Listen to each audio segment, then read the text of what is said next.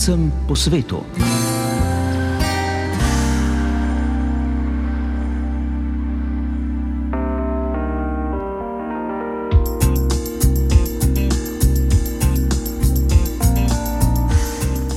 Lepo pozdravljeni, dragi prijatelji naše oddaje, tako tujini kot doma. Teden je naokrog in spet smo tu, da se tudi v tem zimskem petkovem večeru družimo z vami. Tudi tokrat smo za vas pripravili vrsto prispevkov, povezanih s slovenskimi rojaki v tujini. Najprej se bomo posvetili težavam, s katerimi se slovenci, ki se izobražujejo oziroma delajo v tujini, srečujejo ob morebitni vrnitvi domov. O tem se bomo pogovorili tudi s predsednico Društva v tujini izobraženih slovencev UTIS Kristi Hodak Knobloh. V nadaljevanju bomo predstavili lektorico slovenskega jezika in njeno delo v Tübingenu, dr. Irmo Keren Nachtsheim, ki je prav ta teden v okviru slovenskega lektorata na Tübingenski univerzi organizirala zaznamovanje slovenskega kulturnega praznika z gostom iz Slovenije. Podali pa se bomo tudi na sever Evrope in se s predsednikom Slovenske zveze na švedskem Alojzom Macuhom pogovarjali o načrtovanem delovanju slovenskih društev in dogajanju med slovenci v tej nordijski državi.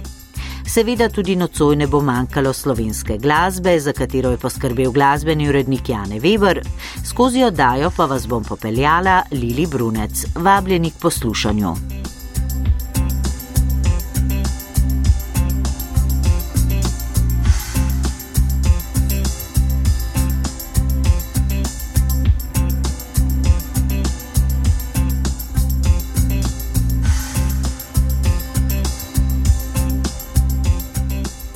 V začetku oddaje o težavah, s katerimi se spopadajo slovenci, ki bi se po študiju, raziskovanju ali delu v tujini želeli vrniti domov.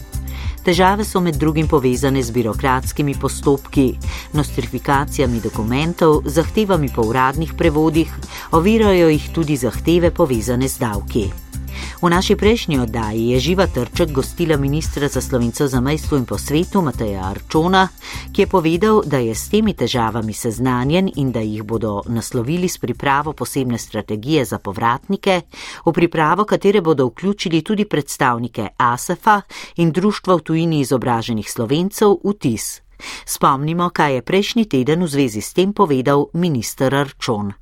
Ja, tako kot je bilo pred leti ali desetletji uh, en od izzivov, kako uh, doseči, da mladi ne odhajajo ven, da ostanejo doma, je danes izziv, da mladi grejo po izkušnjo in se vrnejo. Uh, zato je bila tudi narejena uh, analiza na uh, različnih institucijah, od ZRC SAZU do uh, društev ASEF in UTIS, uh, kjer uh, so pogledi prav tistih, ki živijo v tujini, uh, kakšni so njihovi uh, na nek način pogoji, bi se, po katerimi bi se vrnili nazaj. So zelo različni, ni enoznačnega odgovora, uh, kaj bi jih nazaj pritegnilo. Eh, ta analiza so podlaga za pripravo strategije, ki se bo uh, odvijala v letošnjem in prihodnjem letu. Naloga vlade je, da na vseh resorjih pogleda, kaj lahko naredi na različnih področjih, da uh, izobražene strokovnjake privabi nazaj ali jih ciljno usmeri, kateri so tisti profil, ki jih želimo nazaj, ali vse splošno. In potem je to odvisno, seveda, od stanovanjske politike, davčne politike, ehm, tudi kulturnega dogajanja, ki je eh, za nekatere tudi pomembno, da se vrne okolje, ker se eh, dogaja. Eh, tako da to bo v pripravi in mi bomo vse te akterje vključili v neko delovno skupino in, in pripravili eh, strategijo, potem tudi ukrepe, ki jih bo mogla vlada eh, tudi eh, sprejeti na različnih področjih. Pri vračanju pogosto omenjajo slovenci recimo problem tudi davkov, ne? davčna politika, potem nostrifikacije raznih dokumentov, potem uradni prevodi drugih dokumentov. A to pomeni, da boste tudi z drugimi resori pa pri tem sodelovali? Eh, mi želimo tudi v bodoče v sklopu urada eh, odpreti pisarno, ki bo nek center za pomoč slovencov, ki se želijo vrniti in potem jim nuditi kompletne informacije na enem področju in jim olajšati, eh, bom rekel, pot do različnih ministrstv in eh, teme, ki ste jih omenili, so res tiste, ki so najbolj akutne, jih bo treba eno, eno za drugo jih nasloviti in, in najti tudi ustrezno rešitev. Tako torej napoveduje minister Arčon po komentar na te napovedi in po obrazložitev glede konkretnih težav, s katerimi se soočajo slovenci pri vračanju iz tujine domov oziroma že pri sami odločitvi za vrnitev, smo se obrnili na društvo v tujini izobraženih slovencev. Kot rečeno, bo namreč tudi društvo Vtis sodelovalo pri oblikovanju strategije glede povratništva. Živa Trček se je o tem pogovarjala s predsednico društva Vtis Kristi Hoda Knobloh. Minister Arčon je napovedal pripravo strategije za povratnike, a ste seznanjeni s tem? Um, ja, smo ja in se tudi zelo veselimo, da, da se končno k temu pristopi strateško. Minister je zadnjič omenil, da ste na vtisu pripravili analizo težav, s katerimi se soočajo povratniki, torej tisti, ki se iz tujine želijo vrniti domov v Slovenijo. Pa mogoče za, za začetek samo na kratko, katere so te ključne težave, ki jih zaznavate in kaj pravi statistika, koliko je teh težav? Je zelo pomembno najprej, da se da zelo jasno definiramo v strategiji. Ne? A želimo samo olajšati vrnitve tistim, ki že razmišljajo oziroma so že pripravljeni, da se vrnejo, ali je strategija predvsem fokusirana na a, privabljene dosti večjega števila slovencev iz tujine, več kot trenutno. In zdaj, če gremo, če je odgovor ta druga stvar, kar verjamem, da je, potem je treba k temu zelo drugače pristopiti. Um, in tukaj je treba pristopiti k temu prvič celostno, treba se zavedati, da proces vrnitve oziroma sodelovanja z državo se začne že pri selitvi. Ne? Da imaš ti občutek, da država te hoče nazaj, da naprimer, ko končaš študij, uh, ne vem, dobiš sporočilo uh, od vem, štipendijskega sklada ali kaj tasga, da so veseli, da si zaključil, ti da priložnosti za deljenje znanja in tako naprej, kar je trenutno zelo pomankljivo. Potem treba je pristopiti k temu sistemsko, ampak tudi izkustveno. Torej, ja, treba je izboljšati oziroma zmanjšati to birokracijo. Hkrati pa je tudi tukaj se treba zavedati, da je tudi izkustvena komponenta. Torej, uh, dosti ljudi, ki gre v tujino, ima percepcijo, da v, v Sloveniji ne morem biti uspešen. Zato, ker imajo v Sloveniji, Slovenijo v glavi tako, kot je bila, ko so jo zapustili. Ne? In tukaj je država spet zelo slaba pri promociji odličnih, uh, inovativnih, prodornih slovenskih podjetij podjetnikov um, in enostavno promocijo super priložnosti, ki jih imamo v Sloveniji. Um, in na zadnje, potem treba k temu pristopiti tudi fleksibilno in ne binarno. Torej, tukaj se ne gre samo za vprašanje vrnitve, ampak tudi za možnosti sodelovanja iz tujine. Uh, no, pa ko ste omenili, torej nekako tiste, ki bi se želeli vrniti domov, delite na dva dela, na tiste, ki so že odločeni, da bodo prišli nazaj v Slovenijo in na tiste, ki se še niso odločili in se pač morda bodo, morda pa tudi ne. Pa če mogoče na kratko samo v tej prvi skupini, tisti, ki recimo so že odločeni, da bodo prišli domov, eh, kakšne so, pa, kakšne so njihove težave? Omenili ste recimo že birokracijo, eh, kaj še? Ja. Um, torej, če gledamo, um, ena tretjina članov se jih je že vrnila, ena polovica jih razmišlja, tisti, ki so tudi jih razmišlja o vrnitvi v Slovenijo v naslednjih petih letih, ostali ne razmišljajo in bi radi sam sodelovali na. Nadaljavo. Torej, če pogledamo te, ki so se že vrnili, kaj vemo? Uh, vemo, tisti, ki se zaposlujejo v gospodarstvu, vemo, da se v glavnem zaposlujejo v uh, največjih podjetjih in pa manjših podjetjih predvsem tistih, ki so prepoznavna, torej si upajo biti inovativni in najboljši v svoji niši, uh, in pa jim omogočajo profesionalno, profesionalno rast in timsko delo. Torej, tukaj je uh, recimo predvsem naloga naših podjetij, da se ozavestijo o dobrih praksah, kako provabiti ta segment. To je recimo, kar se tiče gospodarstva. Uh, glede države, seveda, tukaj je vedno odprto vprašanje glede davkov, kar uh, se država definitivno lahko uh, malo bolj uzre in primerja z drugimi državami, pa tudi pogleda malo druge spodbude držav za deficitarne, recimo, poklice. Torej, to je kar se tiče gospodarstva, kar se pa tiče uh, izobraževanja, pa tukaj vemo uh, iz teh, teh, teh, ki se so že vrnili nazaj, so največji uh, problem zapleteni postopki v, v zvezi z zaposlitvijo na slovenskih univerzah in pa zahteve univerz, ki včasih iz tujine skoraj da je nemogoče zagotoviti. Ne? In uh, poleg že sam te birokracije tudi vemo, da so naše univerze dost zaprte. Imamo seveda posameznike, ki želijo to spremeniti, kar je zelo spodbudno, ampak še vedno zelo težko postati del tega networka, te mreže, da sploh veš, kakšne so priložnosti uh, za zaposlovanje na univerzah. V kakšnem smislu so univerze zaprte? Zakaj težko sprejemajo recimo raziskovalce iz tujine? Mm, Torej, dosta stvari se je že začelo spremenjati, tle, tle bom bila kar pozitivna. No? Um, s tem, da še vedno recimo, se uh, zaposlitvene možnosti objavijo zadnjo minuto. Ne? Ko si ti v tujini, ti rabiš kar nek časa, da ti pridobiš vse papirje, da, da uh, lahko uh, kaj treba dati vse v, v ta kobi sistem in tako naprej ti vzame dosti več časa, da se prijaviš, kot če si v, že v Sloveniji, že v teh sistemih. Uh, kar ti enostavno ne omogoča, da, da sploh uh, prideš v, v krog kandidatov. No, zdaj pa, če greva še k tisti drugi skupini, torej Slovenci, ki so v tujini, pa bi se morda vrnili, kaj jih zadržuje, da se ne vrnejo, oziroma kaj imajo postavljeno na tehtnici. Um, ja, tukaj uh, je tudi Askat naredil eno super raziskavo in zelo jasno je bilo videti, da uh, odločitev, da gre v tujino, ponovadi zelo povezana z profesionalnimi razlogi, kariernimi razlogi, medtem ko vrnitev v Slovenijo ponovadi dosti bolj osebne narave. Ne. Torej, tukaj se potem lahko pogledamo na to z dveh vidikov. Ne. Eno je z osebnega vidika. Um, kako lahko še malo bolj poudarjamo, kako je naša država dobra, kar se tiče družinskega življenja, um, sociale, zdravstva. Vem, da je zdaj kar, kar težka situacija v Sloveniji, ampak če se primerjamo s kakšnimi drugimi državami, uh, vidimo, da, da spet ni tako slabo. Um, tako da te stvari, kar se tiče posebnih, hkrati pa je treba, kar sem že prej omenila, bolje treba promovirati, kakšne so sploh so profesionalne možnosti v Sloveniji. Ker trenutno dosti članov sploh ne postavi Slovenije kot možnosti za profesionalno rast. In tukaj eno je pač, so mediji zelo pomembni, da se da dosežejo ta podjetja, te uspehi iz Slovenije, tudi slovence v tujini.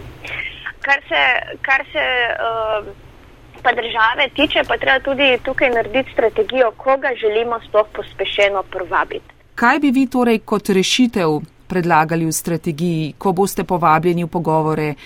Kaj boste predlagali kot nekakšne ključne točke? Vemo eh, nekako iz naših izkušenj, da rabimo neke tri sklope aktivnosti. En je ta strateški, ki sem ga že omenila, torej da imamo sploh fokus. Ne. Seveda želimo, da vsak, ki se odloči vrniti, ima dobro izkušnjo hkrati pa, rabimo, pa tudi vemo, da nam določeni segmenti talentov pač primankujejo in jih je treba pospešeno privabiti. In te, to je treba najprej definirati. Drugi del je potem administrativni del. Torej, to so po eni strani te, da se odpravi te birokratske uh, bolečine, hkrati pa se tudi naredi dosti boljšo uporabniško izkušnjo vrnitve.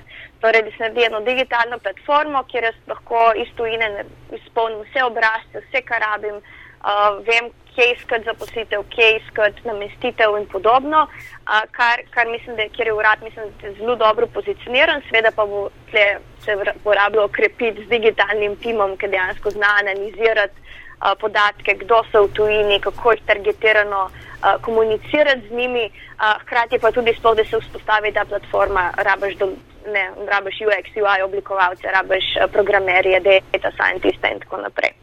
In potem uh, zadnji del je pa potem ta izkustveni del, kjer je pa predvsem, da se pogleda, uh, kaj že obstaja, torej vsa društva v tujini in tako naprej, in kako se uh, ta del lahko bolje suportira, da lahko še naprej izvaja neko celostno podporo od selitve do vrnitve um, slovencem v tujini. Ne? Torej, da skrbi, da od začetka, ko se nekdo odseli, ima občutek, da ga država hoče nazaj, da ima neko komunikacijo s to slovensko skupnostjo in hkrati dobi povezave.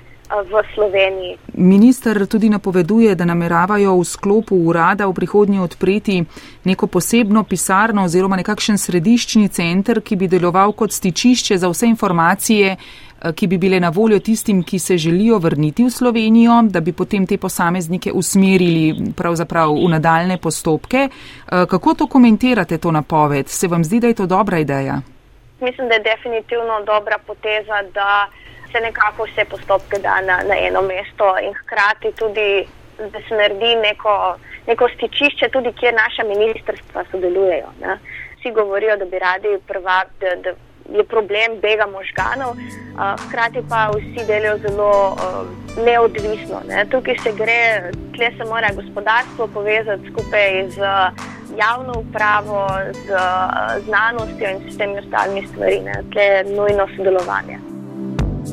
Reka luči mimo mene, da si.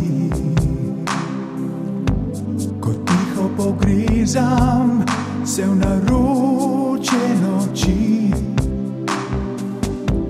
nebo je skrilo izgubljene mi poti. Le tebi uspelo pustiti v meni je sledi. Nekje nad oblaki, kjer se rodil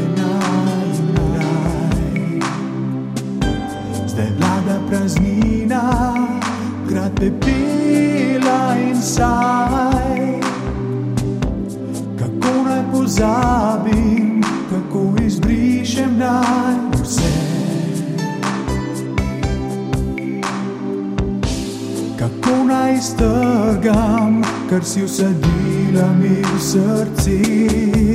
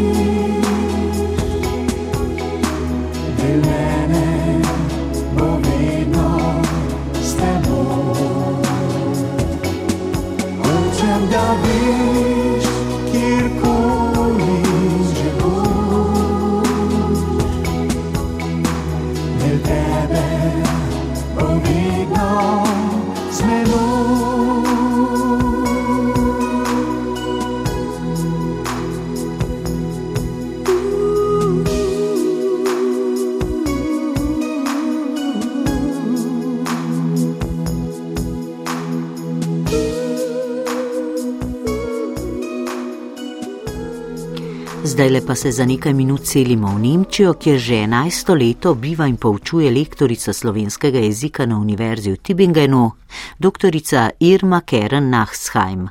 In prav ta teden so v okviru slovenskega lektorata v Tübingenu organizirali praznovanje slovenskega kulturnega praznika z gostom iz Slovenije. Kdo je bil gost in kakšno je bilo dogajanje, pa tudi nekaj več o dogajanju na študiju slovenistike v Tübingenu, nam je povedala lektorica slovenskega jezika na Tübingenški univerzi, doktorica Irma Keren Nachsheim.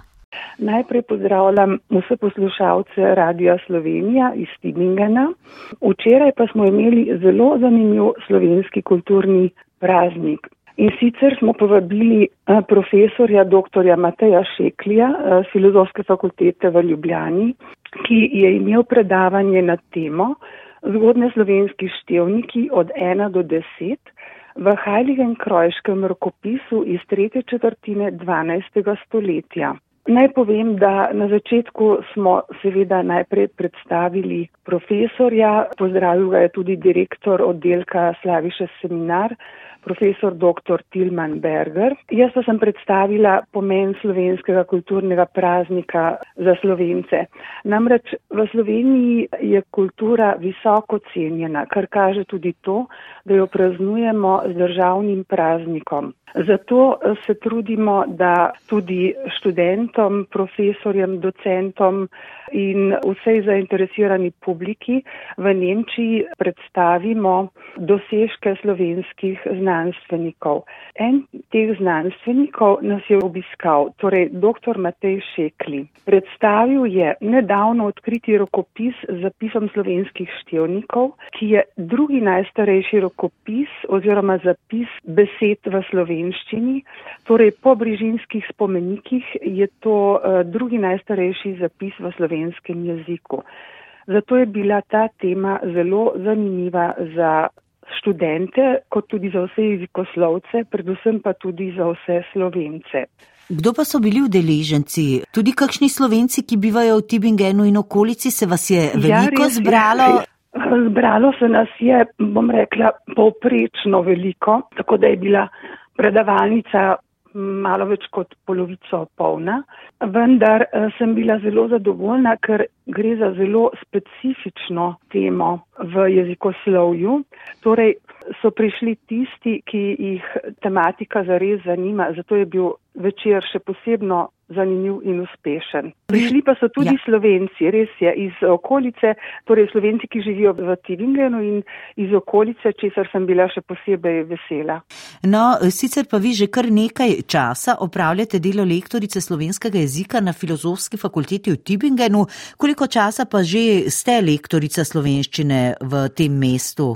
Ja, sem že celo desetletje, že enajst let sem v Tibingenu.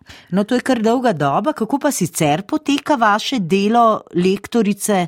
V Tübingenu je na eh, filozofski fakulteti eh, oddelek za slavistiko in tu študenti študirajo smer slavistiko. V okviru tega izberejo dva jezika.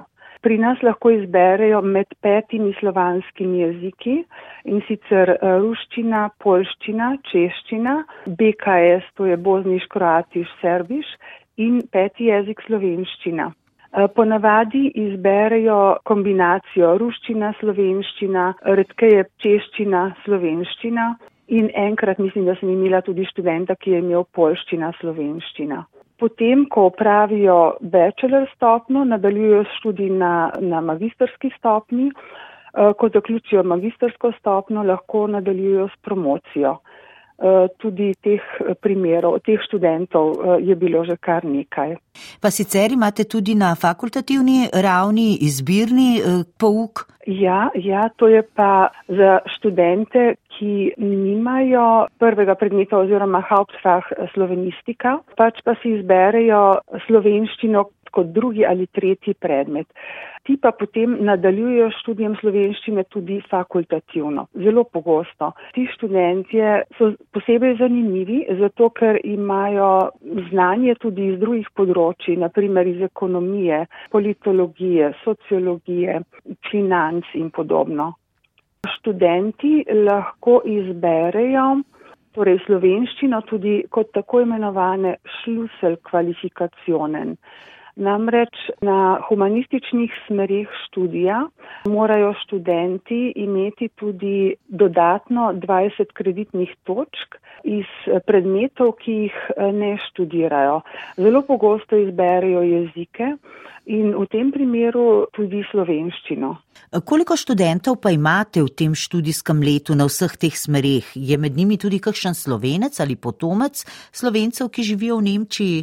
Študentov je tako, novih študentov je okrog 10, ampak vseh študentov je okrog 30. Medtem ko slovencev je medtem bolj malo, imamo pa potomce. Ja? Potomce slovencev ravno letos imam študentko, katerih stara starša sta slovenca, ki pa živita že dalj časa v Nemčiji, stara mama je iz Ljubljane, stari oče iz Maribora in govori slovensko, mogoče osnovne stavke in še to v dialektu, tako da e, ima veliko interesa, da bi se naučila knjižno slovenščino in je odlična študentka. Je. E, kakšni pa so pravzaprav sicer motivi študentov, da se upišajo na študij slovenščine, ki je zelo drugačen jezik kot nemščina, vendarle? Prvi interes je v tem, da eh, študenti morajo izbrati na slavistiki dva jezika.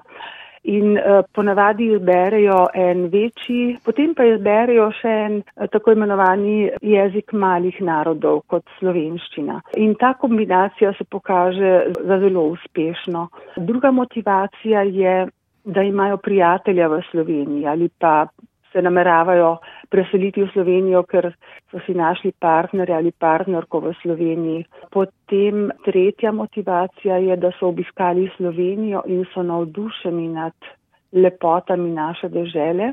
In potem se želijo naučiti tudi jezika, da bodo lažje komunicirali. Ko pa začnejo študirati, pa vidijo, da je ta jezik zelo zanimiv in ponavadi potem nadaljujo tudi, ko so opravili vse obveznosti.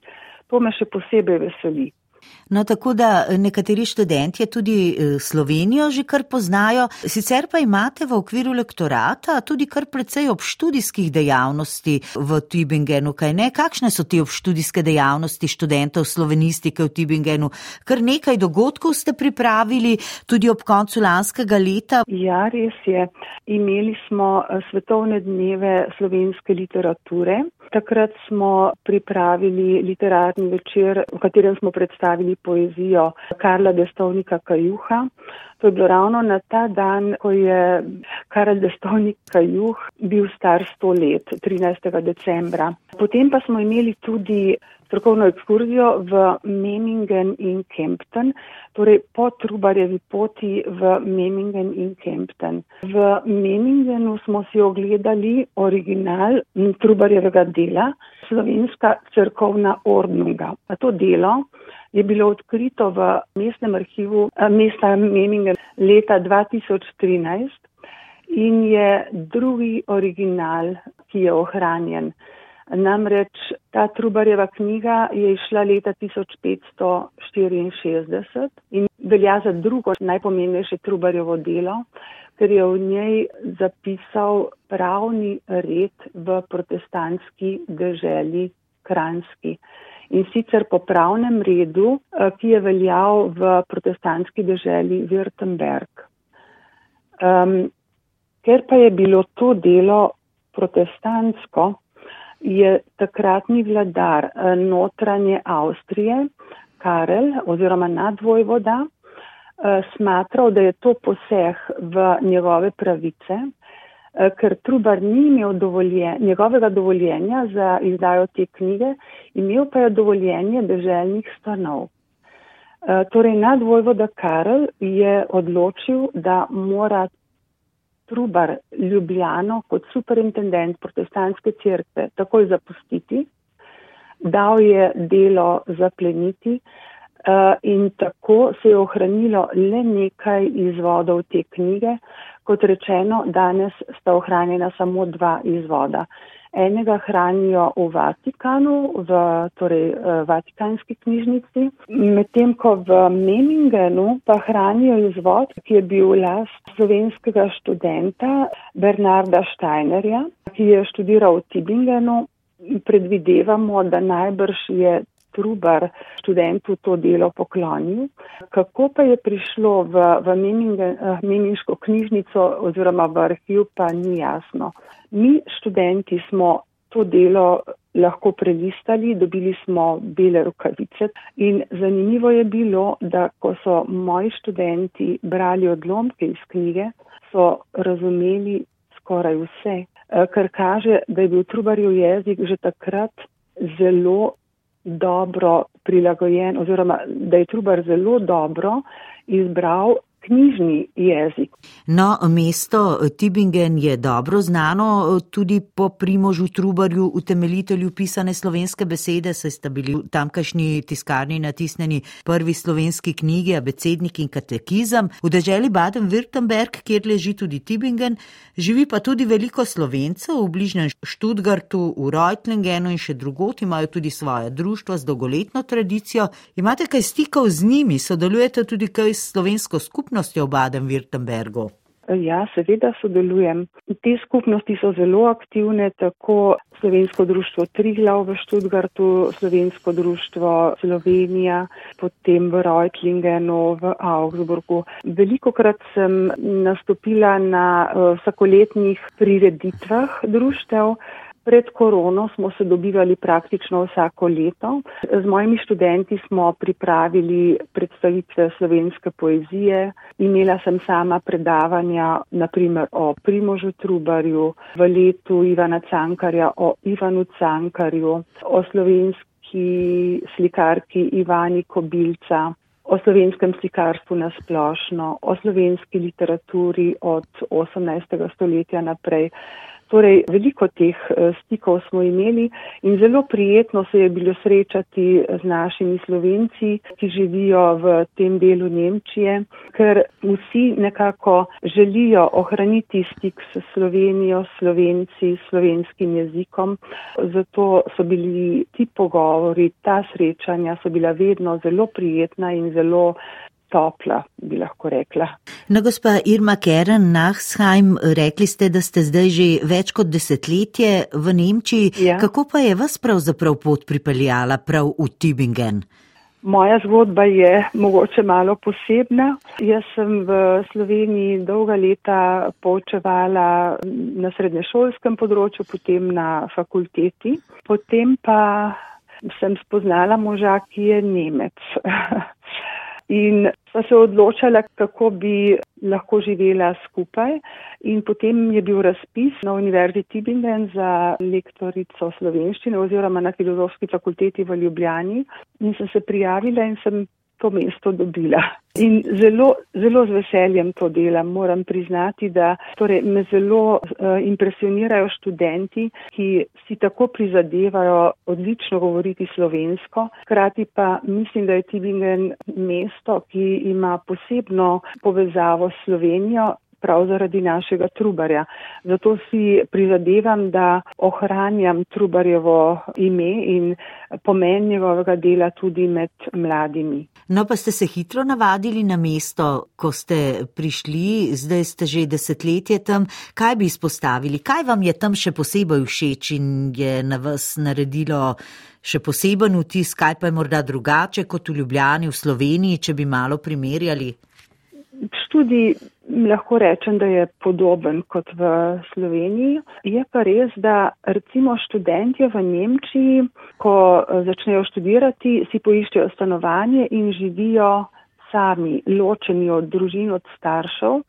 Zato je študentski utrip tukaj v Tibingenu zelo živahen. Tudi ob sobotah je naprimer univerzitetna knjižnica odprta cel dan, eh, ob nedeljah je odprta do povdne. Torej, zdi se mi, da so nekako bolj samostojni. Kako pa ste povezani s Slovenijo, kako ohranjate stike? Zdaj, eh, Tübingen vendarle ni tako zelo daleč od Ljubljane, tudi poti so zdaj vendarle nekoliko krajše kot še nekaj let nazaj, tudi s pomočjo novih tehnologij, komunikacija lažja. Se tudi pogosto vračate v Slovenijo morda? Komuniciram seveda preko elektronskih medijev vsak dan. Sedaj imamo tudi Zoom srečanja, tako da to ni problem. Ravno zaradi tega imam pravzaprav stalne stike s Slovenijo. E, zato ni treba, da potujem tako pogosto. Ob večjih praznikih seveda grem zelo rada v Slovenijo ali pa recimo, ko imamo srečanja na filozofski fakulteti. Poleg tega pa ohranjam stike preko prijateljev, preko profesoric in profesorjev, s katerimi smo skupaj poučevali. Tako da nikakor nimam občutka, da živim v tujini. jaz živim nekako v dveh domovinah, lahko rečem. No in eh, tako tudi spremljate dogajanje v Sloveniji, tudi kadar ste v Tübingenu, se morda predate tudi kakšni slovenski glasbi v Nemčiji, kdaj? Ja, zelo rada. Zelo rada poslušam slovensko glasbo. Tudi študentom pogosto predvajam kakšne slovenske popevke in potem tekste prevedemo v nemščino. In so vsi impresionirani, kako lepa besedila imamo za uh, slovensko pesem, slovensko popevko. Pred kratkim pa sem jim predstavila naprimer slovenske planinske pesmi. In s tem povezujete tudi slovenski jezik z glasbo. In če vas za konec še takole povprašam, gospa Irma Keren Nachsheim, še po vaši najljubši slovenski melodiji, katero bi izbrali? Ja, to moram povedati. Meni je pri slovenskih melodijah pomemben tekst, besedilo. Zelo rada imam predan ljubezni, ki jo izvaja Pepel in kri eh, in med iskrenimi ljudmi Majde Sepe, pa seveda Poletna noč, Marjane Držaj. Sicer pa tudi sodobno, torej pesem spremljam sodobno uh, glasbo in mi je prav tako zelo všeč. No, potem vam bomo pa zavrteli eno izmed naštetih v naši oddaji in vam jo prek radijskih valov poslali v Tübingen. Doktorica Irma Keren Nachsheim, najlepša hvala za tale prijeten pogovor in uspešno delo. Še naprej vam želim na Univerzi v Tübingenu in lep pozdrav iz Ljubljane. Najlepša hvala tudi vam in hvala lepa za povabilo. Tudi vsem slovencem želim veliko veselja ob prijetni glasbi. Nasvidenje. Med iskrenimi ljudmi se nikoli ne zgodi, da zmagala.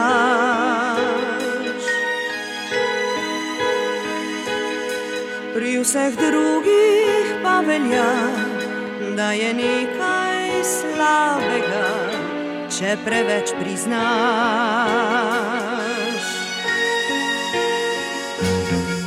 In odkar ta svet stoji, so na njem živeli ti.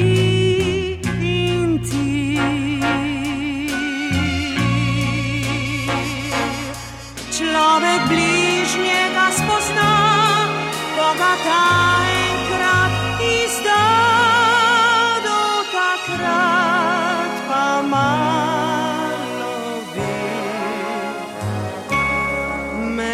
iskrenimi ljudmi so preproste vse reči, kot jasen dan.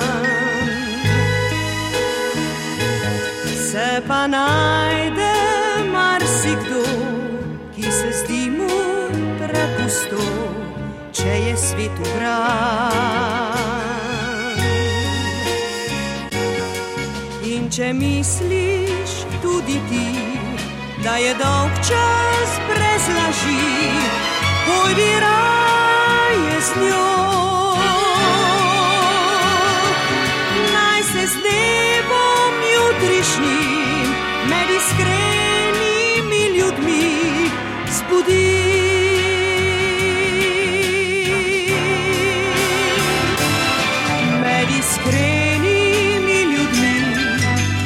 preproste vse reči, kot jasen dan. Se pa najde marsikdo, ki se zdi mu prepusto, če je svet ubran. In če misliš tudi ti, da je dolg čas brez laži, pojdi raje z njo. Naj se z nebom jutrišnjim med iskrenimi ljudmi zbudi.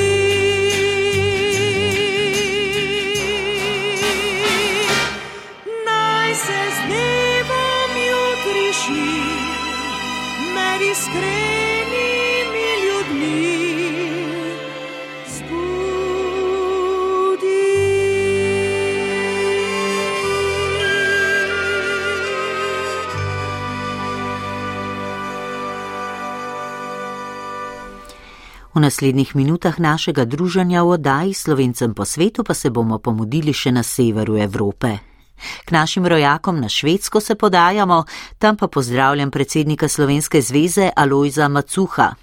V novo leto je slovenska skupnost v tej državi, ki šteje okrog 5000 rojakov, stopila z vrsto delovnih načrtov. O planu delovanja za letos in delovanju slovenskih društv na švedskem po obdobju pandemije pa podrobneje predsednik Slovenske zveze in slovenskega društva Simon Gregorčič Alojs Macuh iz Čepinga. Najprej en lep pozdrav vam, gospod Lilic, in seveda, tako ko smo čisto v začetku novega leta Zaželim res vsem skupaj lep začetek novega leta in vsem skupaj naj bo, naj bo mirno, predvsem pa zdravo leto, ki je pred nami. Če pogledamo tako nazaj, ja, slovenska društva na švedskem so razkropljena skoraj po celi švedski, vse od juga pa do severa. Največje društva so sicer na jugu švedske, to so društvo Planika Malme, potem je Jetebori, Ulostrom, Potem pa prihajamo bolj proti sredini Švedske, to so sever, je pa društvo Stockholm, Elske stune in seveda naše društvo Čöping. Imamo še pa tudi eno društvo v Hamstadu, kjer tudi kar v redu deluje. Seveda, okrog 60. leta so ti rojaki se podali za strebuhom, za boljšim kruhom in tako so danes seveda še tu, nekateri so se že vrnili nazaj v Slovenijo ostali so še pa tukaj, so danes tako rekoč skoraj da že vsi v pokoju. Ja, zadovoljni smo, da imamo še tako dobre stike med sabo, povezovanje, ki traja iz leta v leto zelo dobro, posebno pa še zdaj po tej pandemiji. Sicer smo občutili in me je bilo strah, da ljudje še vedno ne vsi verjamejo, da je to za nami, ampak se še poznajo, ljudje še niso tako odprtega srca, kot so bili pred pandemijo. No, zdaj začetek leta je ponavadi tudi čas za nove načrte in začrtanje smernic delovanja. Ste že kaj začrtali uh, smernice delovanja v novem letu v slovenskih društvih in kako bo dejavnost tekla? Ja, seveda. Če vzamemo naše društvo, naše društvo, to slovensko društvo Simon Gregorčič Čöping, to smo že kar na prvi dan eh, leta bili izbrani in tako je tudi po ostalih društvih. Vsa društva se tako rekoč zdaj le pripravljajo za občne zbore in tako tudi naredijo plan dela in smernice za celo leto. V februarju najprej je preširno dan, ki se bo praznovalo na jugu Švedske, to se pravi društvo Orfejom in društvo Planika Malme. Tu se tu pripravljajo praznovanje preširnega dne, kamo sem tudi seveda jaz povabljen, ali je pa zelo velika razdalja, to je se pravi 6 km daleč od mene, tako da bom poslal samo elektronsko sporočilo, pa bo tudi veljalo. Drugače pa seveda sledi 8. marec, dan žena. To je tudi standard po vseh društvih. Potem pa veliko sreče, ki se ga veselimo že vsi skupaj, to pa je za binkošnji praznik Ovad steno. To je srečanje vseh rojakov na švedske, to je v sredini švedske Ovad stena.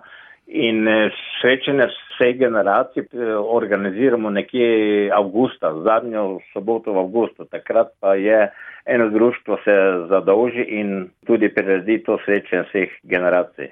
No, sicer po zadnjem času se tudi na sever Evrope seljuje vedno več, predvsem mladih rojakov iz Slovenije.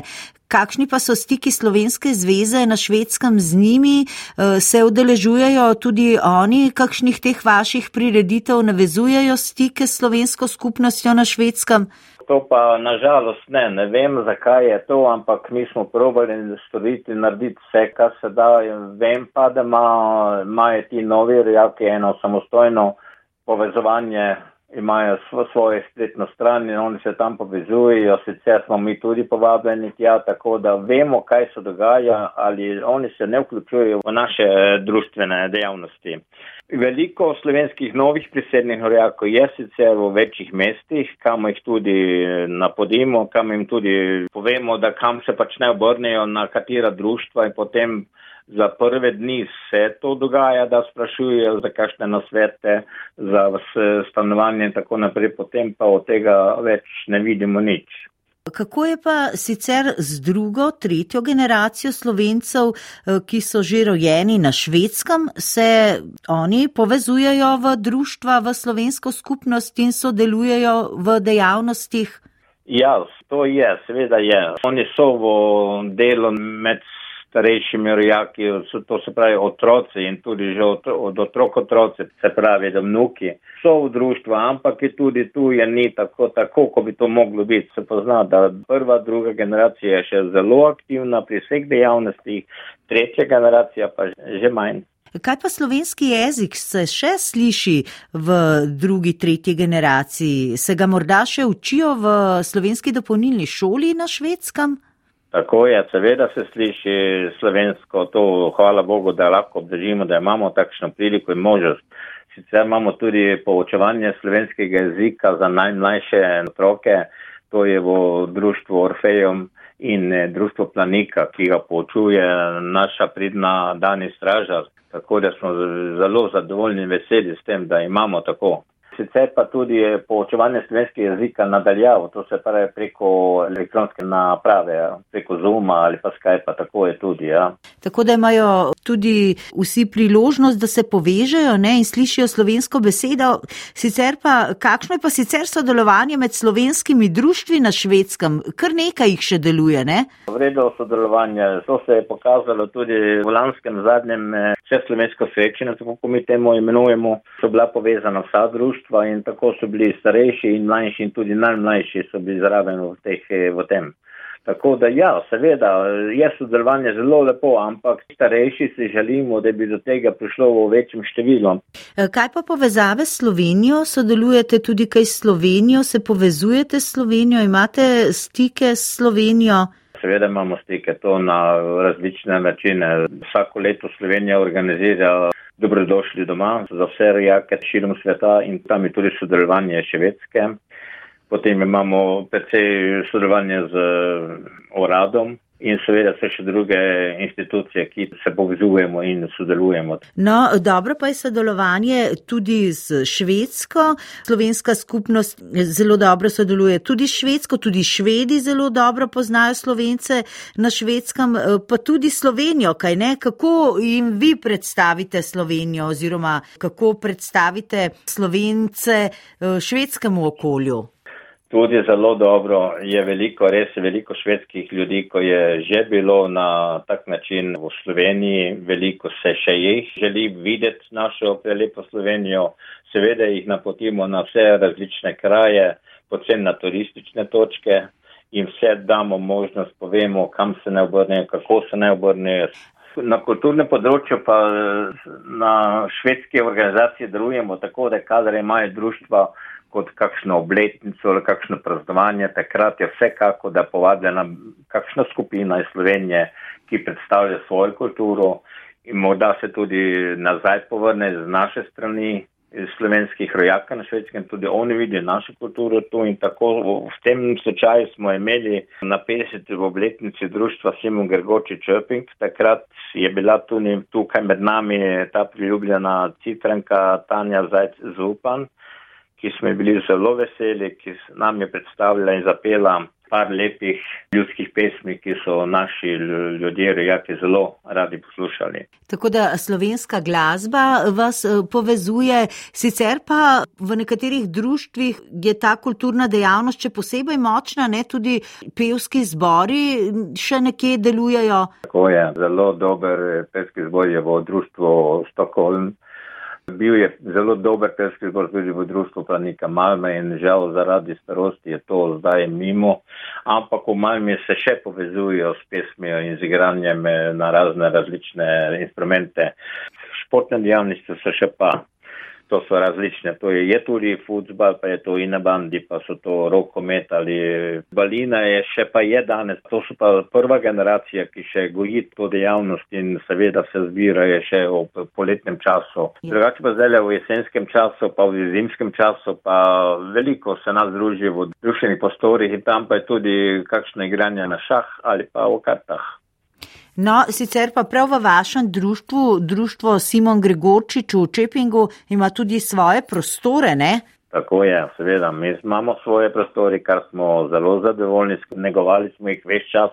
Mi smo zadovoljni, da smo še jih lahko obdržali, kajti to je le naš, tako rekoč, dom, v katerem se lahko vsak po svoje zbiramo in kaj priredimo, kakšno povemo, zapojemo, bilo kaj. Zelo smo zadovoljni. Tudi svoje prostore imajo še društvo Planika Malme in Ulovstrom. To se pravi tri društva, šest društv, pa žal več nimajo svojih prostorov, kar je tudi zelo zelo hudo. Lažje je vse pripravljati, lažje je vse delovati, če imaš ti svoje prostore. Gospod Alois Macu, lepo se imajte na švedskem, želim vam uspešno delo tako v Slovenski zvezi, kot tudi v vašem društvu in vse dobro in lep pozdrav na sever Evrope. Ja, hvala lepa tudi vam, gospod, najlepša hvala za pogovor, ker, me, ker sem zelo vesel, da smo se tako slišali. Lepo se imejte in lepo zdrav, srečno vedno znova. Rad bi zeleno naročje, ki je spleteno iz rek in mahov. Tisočkrat vračam se v mislih domov, vedno znova. Rad bi si vedel sanjah kot teček pobegnil nazaj, tihi zeleni raj. Oj, gozdovi, mesečini, včasih pa zdan zlati, včasih pa zelo srebri. Mesečini so spomini. Vedno ste v srcu z mano, vedno ste v srcu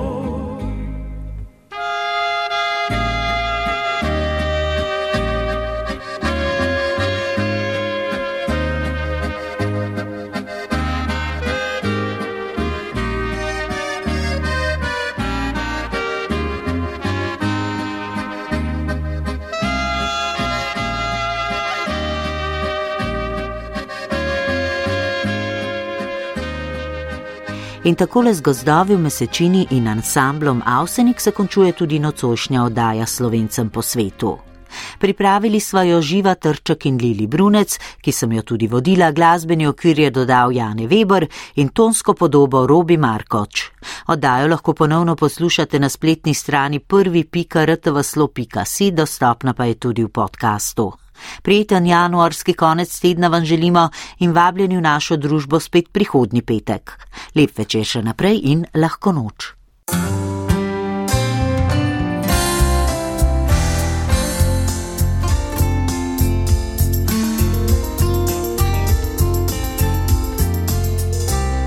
Slovencem po svetu.